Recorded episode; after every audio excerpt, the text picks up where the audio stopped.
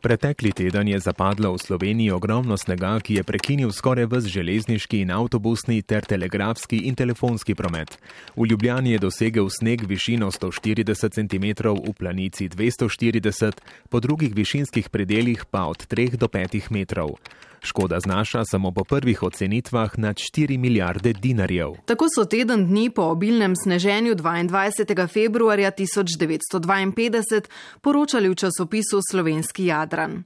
Od brskanja po časopisnih arhivih pa osebnim spominom. Dobar dan. Pozvonim pri Danilu Durjavi v Bovcu, ki je imel takrat 23 let. Julija bo praznoval 94. rojstni dan. Pokaže mi ličen na roko napisan dnevnik in nekaj fotografij iz tistega časa. Jaz se dobro spominjam vsega, recimo do potankosti, kako je bilo. Ne. Jaz sem beležil tudi padavine, sem beležil, ne, je bilo, padavin je bilo 3,60 m. Sveda se potem sneh se uleže, je bilo na, na, na mestu potem bilo 2,40 m, po mojem, ne, tako je bilo. Ne. Tako cesta, recimo, pot je bila zaprta 14 dni tle, ne, in smo potem, vsi ljudje so morali, recimo, ne, potem pa z lopato od, naprej pot, ne. Sam, sam skozi Bovc, seveda najprej je bilo treba eh, paziti, eh, mislim, strehe zavarovati. Eh, trgovine so bile kot take, ki so bile, in seveda se, kar, kar je bilo, se je hitro spremenilo, ne, ne, dobro, vsak je imel nekaj nezaloge doma, ne, sam, dobro, nekaj nelakote ni bilo, ne, zaradi, zaradi tega, ne. Nismo pa vedeli, recimo, kaj se dogaja okrog, ne, sem smo šli tudi v Trento, ne, gor so poslušali poročila, gor je bila električna centrala, doma, mislim, gor v Trenti, on so poslušali poročila, kaj se dogaja tlje, gor se pa nekaj hudega dogajalo, ne. Ogromne množine snega so v Ljubljani ustavile vsak promet. V Beneški Sloveniji se je utrgalo mnogo plazov in ubilo več ljudi. Iz Idrije poročajo, da je dolina Idrice popolnoma odrezana od sveta. V vaseh Borjana, Žaga in Soča so plazovi odnesli več hiš in hlevov, umrlo je več ljudi in živine. Prav tako iz Avstrije poročajo o velikih snežnih zametih, ki so zahtevali več človeških življenj. Zato so razglasili izredno stanje. Ja, to veste, če začnem recimo gor, tu je pri Plajerju, ne, tu je gor kmetija, ki je bila, ne. In eh, mož se je odločil, da gre domov, ker je bil s Koritnice, ne, da gre domov, ker tukaj, tam je nevarno, ne, da ne preplosne in prije, prije do soseda, do soseda pravi, kem boš šel, saj ne moreš domov, saj veliko snega, ne, boš prespal tle pri mene, ne. No, in je potem prišel po noč plas in je zasul tisto hišo, ne, oba gospodarja in gospodinjo in še tega soseda, ker je prišel do prenočevat, ne. No, in mož je bila takoj mrtva, moža je pa stisnilo k štedilniku, ne, tako da se je crnila noga zraven štedilnika, ne. No, potem je, je tle, ke je bil zdravnik Krušič, ne, in je, je amputiral nogo, seveda je mož pa podlegel, ne. No, potem so, so reševali tiste gor, no, je nisem bil zraven, potem so rekli pa gor na Ravnem lazu, da iz Koritnice se ne vidi hiša več, ne. No, in seveda nas je šlo ene pet smučmi gor, gor čez, čez tiste griče gor skozi, no, in smo prišli do tiste hiše, hiše ni bilo več, ne. Samo ruševine so bile in smo pa slišali eno jamranje, ne. Smo šli za tistim glasom, ne, in smo od tisti material odgrebli, ne, in da smo prišli potem do, do do človeka, ne. In je bil noter šestintrideset ur, je bil pod njim.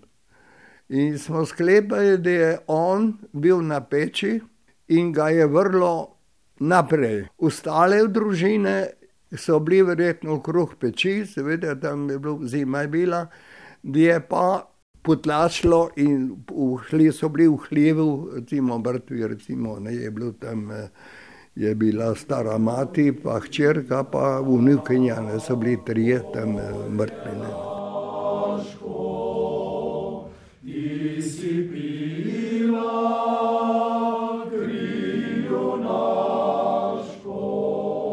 Sanmi so jih pripeljali do Bovca in čez nekaj dni pripravili skupen pogreb, na katerem je pel tudi Danilo Dorjava. Že zelo mlad je bil organist, na to pa leta 1951 ustanovil moški pevski zbor Golobar, ki pod njegovim vodstvom neprekinjeno deluje še danes. Ime nosi po planini, na kateri so na velikonočni ponedeljek leta 1943 padli številni partizani hranite pa vse te spomine skrbno zapisane ja, v svojem ja, dnevniku? Ja, ja, imam se pravi, jaz tu zdaj beležim vse radne, eh, ko rečem, radne dogodke, družinske in pa eh, druge med vojno, recimo, ki se je dogajalo in sam sem bil udeleženec, ne, sicer ne dolgo, ampak tako. Ja imam pa zabeleženo vse. Zime so bile hude, ne? tudi prej. Jaz, vem, jaz sem igral, bil organist v Česoči, sem vsako nedeljo v Česoči, vem, da je bilo zelo huda zima, 41, 42. Kaplan je rekel, je imel kratko predgovedel. Dragi gospodov, zima je en mraz, zebe mene, zebe vas, amen. To je bila vsa predgala. Davi je predsednik vlade Ljudske republike Slovenije Miha Marinko obiskal kraje, ki so bili prizadeti po veliki naravni katastrofi. V Žagi se je ustavil na mestu, kjer je nekdaj stala Žagarjeva hiša, danes pa so tam samo še razbitine pohištva, pomešanega z ostanki razcefranih oblek. Vse drugo je odnesel siloviti plas, ki je pridrvel s hriba s tako silo, da je odnesel del hiše celo čez sočo. Tako so o dogajanju zadnji dan februarja pisali v slovenskem poročevalcu. Podatki se sicer tudi v arhivih razlikujejo. Vseh žrtev na Bovškem skupaj z vasjo Žaga naj bi bilo deset. Na Kobariškem je oborjani plaz odnesel deset hiš in pet gospodarskih poslopi in pokopal dve osebi. Vasica Borjana ni bila označena na nobenem večjem zemljevidu, vendar jo danes poznajo vsi naši ljudje. Kjer so nekoč stale hiše, štrlik višku le še nekaj zidov, vse ostalo je plas odnesel in pokopal pod seboj. Plazovi so široki po cel kilometr. Plaz je bil usoden tudi za domačina v Drežniških ravnah in pastirja v Krnu, se spominja Mirko Kurinčič, enega prvih zasebnih zbirateljev ostalin Prve svetovne vojne, ki je neusahljiv vir zanimivih zgodb, obiščemo v Drežnici, kjer je leta 1993 odprl svojo muzejsko zbirko Botognice. Ja, jaz sem od 52 let pet let. Samo še nekaj se spominjam, če sem bil mlad. jaz se spominjam to, da je bil sneg in da je padel dež na te sneg. In potem je eno dvakrat eno tako zamoklo, zahrmilo. Smo bili dol pred hišo in so začele jeti te vele snežinke, pravimo hlače, ki prinesli ko ne plahte, je to začelo padati, padati, padati, a so del. So bili nek star možje, so del, ah, ne bo, ne bo hudha, ne bo še en cajtum ponovati se obrne. In potem tiste hlače so zahinne in je začel je ta drobne snijah. Kar šel, kar šel, kar ne prej šel ti snijah. In potem so del tri dni in tri noči dešel. Pa tudi zad za hišo smo imeli štalo, pokrito s pločevino in ko je bilo toliko snaha, je tisti plaz zhrmal dol strehe in z bratem sva se potem na tisti kupc nabasala gor. In tako brat je bil dve let starejš in je prišel jih lepo s prstmi do strehe. No in tistaj smo imeli vse hiše, tle odrežen spuhne štale žvine, je bilo treba fotor, je bilo treba iz štale hnoj peljati. Tako da smo imeli tudi, ki bo ti skupaj snaha odštale, smo imeli skozi ta tunel speljan tunel, da smo lahko od živine vozili hnoj dnevno, samo je bilo puhno dvorišče. Ja, toliko se osebno spominjam, da je ostale rečive pa še iz pripovedovanja, potem, ker to je bila velika reč in se je stalno potem vrlo, je 52 leta tudi kot nek minik, recimo, če zapade precej snaha, pravijo, ja, se bo kot 52 ha.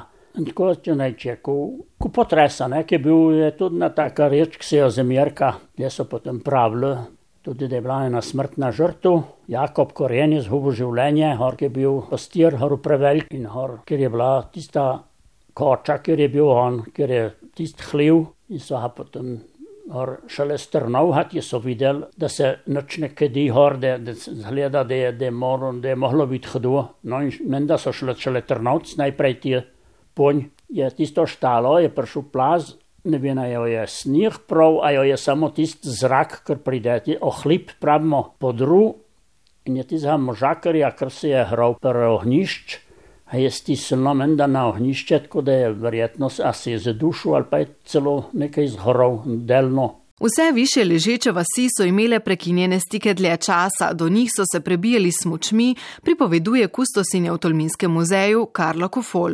Recimo Livške ravne uh, so bile tudi v veliki nevarnosti, tam je grozil plaz, da se bo utrgal in, in odnesel s sabo uh, celotno vas in seveda zaradi tega so vaščane takrat evakuirali.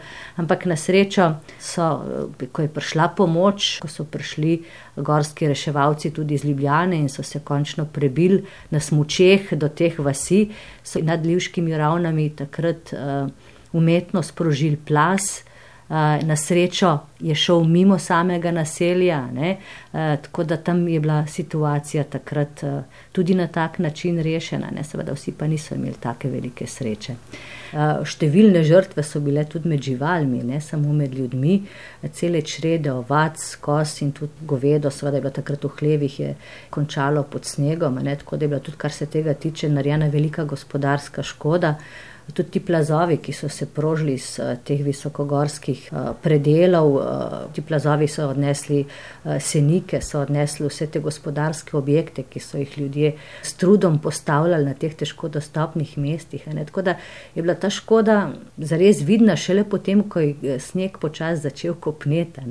Posledice teh plazov, ker so recimo bili v hribeh tudi gor in to te starši ljudje so nam povedali, do kam so prišli plazovi, kako je bilo vse polomljeno, kako je bilo vse uprehnjeno. In zdaj, recimo, ko vodimo ljudi tudi na muzej v naravi, prav tam, kjer je muzej v naravi, če se gre skozi, se vidi, da 52 leta tam je bila mlada, mlad gozd in tisti gozd je bil do poletja vzpoležen od plazov.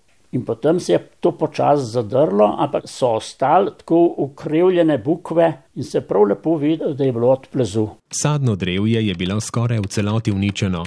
Vsekakor bi bilo treba organizirati tečaje o sajenju in cepljenju sadnega drevja. Razmisliti je treba tudi predlog, da bi se sadjarstvo, vsaj za nekaj časa, uvedlo kot šolo obvezen predmet. Ker so bile vse prometne zveze prekinjene, je ostalo mnogo pridelkov. Samo srpeniška mlekarna ima v zalogi nad 4000 kg sira. Ko je nehalo snežiti, je nevarnost plazov sicer minila, nastopila pa je zopet, ko je pričelo pripekati sonce. Ves promet po cestah opravljajo zato po noči, ko je zmrznjeno. Tako so še pisali 52. in še, da je meteorološka služba objavila, da od svojega obstoja še ni zabeležila takšnih snežnih padavin. A prva polovica zime je bila pravzaprav mila z bogatimi podatki, natančno ponazarja klimatolog z Agencije za okolje Gregor Vrtačnik. 17. januarja je bilo še kopno, 18. januarja pa je že v večjem delu Slovenije snežilo in zapadlo 10-30 cm snega. To je bilo uvod v daljše obdobje, približno en mesec dolgo obdobje z pogostim eh, sneženjem. Namreč 25. in 26. januarja je znova nekoliko bolj snežilo in zapadlo od 5 do 30 cm snega, potem pa naslednji dan, 27. januarja, močno snežilo v večjem delu Slovenije, vmes so bile celo nevihte in večinoma zapadlo od 20 do 60 cm snega. Tako da je v Ljubljani bilo 28. januarja zjutraj že skupaj 80 cm snega, kar je bila uh, takrat najvišja snežna odaja izmerjena januarja v kar nekaj desetletjih. Ponekod v Alpskih dolinah je bilo snega že več kot en meter. Veliko snega je bilo pa takrat že tudi v vzhodni Sloveniji, recimo v Mariboru in celju okrog 60 cm. Uh, potem se je za krajši čas vreme izboljšalo, se tudi uh, jutra so bila precej hladna, 29. januarja v Babnem polju izmerili minus 31 stopinj, v Šmartnem pri Slovengradcu pa minus 25 stopinj. Potem je pa na prehodu v z januarja v februar spet bilo poslabšanje z obilnim sneženjem. Je pa tokrat bolj močno snežilo v severozahodnem in pa deloma v severnem delu Slovenije, zlasti v gorskih krajih, kjer je marsikaj zapadlo okrog pol metra snega. Tako da je 2. februarja zjutraj bilo v Bovcu in pa v Bohinju že več kot en meter in pol snega, na ribnici na pohodu pa 140 cm. No, ampak ta snežna odeja še ni bila najdebelejša tisto zimo. Res je sledilo nekoliko daljše obdobje suhega, večinoma suhega vremena, vmes je bilo tudi nekaj mrzlih jutr. No, potem je pa od 13. do 15. februarja pa bilo tisto najbolj znano sneženje te zime, ko je približno 50 ur zapored snežilo, v Ljubljani zapadlo približno en meter novega snega in snežna odeja 15. februarja zjutraj že merila kar 146 cm, kar je bila tudi največja izmerjena višina v 20. stoletju in pa seveda tudi do, do danes. Uh, še nekoliko več snega je bilo v hribovitih delih zahodne Slovenije, recimo na Koberiškem in Bovškem okrog 190 cm, na Bledo 180 cm, v Ratečah 2,40 m, v Stari Fužini v Buhinju pa celo 2,63 cm. Nekoliko manj snega je bilo v ostalih delih Slovenije, pa še vedno je bila to zelo debela snežna odaja, naprimer v Kočevju 141 cm, v Mariboru 86 cm in v postojni 94 cm. V gorah pa je bilo že zaradi snega, ki je zapadal že v prvem delu zime, pa snežna odeja zares zelo debela, recimo na komni kar 4 metre. Borba z novo zapadlim snegom se je začela šele potem, ko je 15. februarja sneženje v večini države že ponehalo.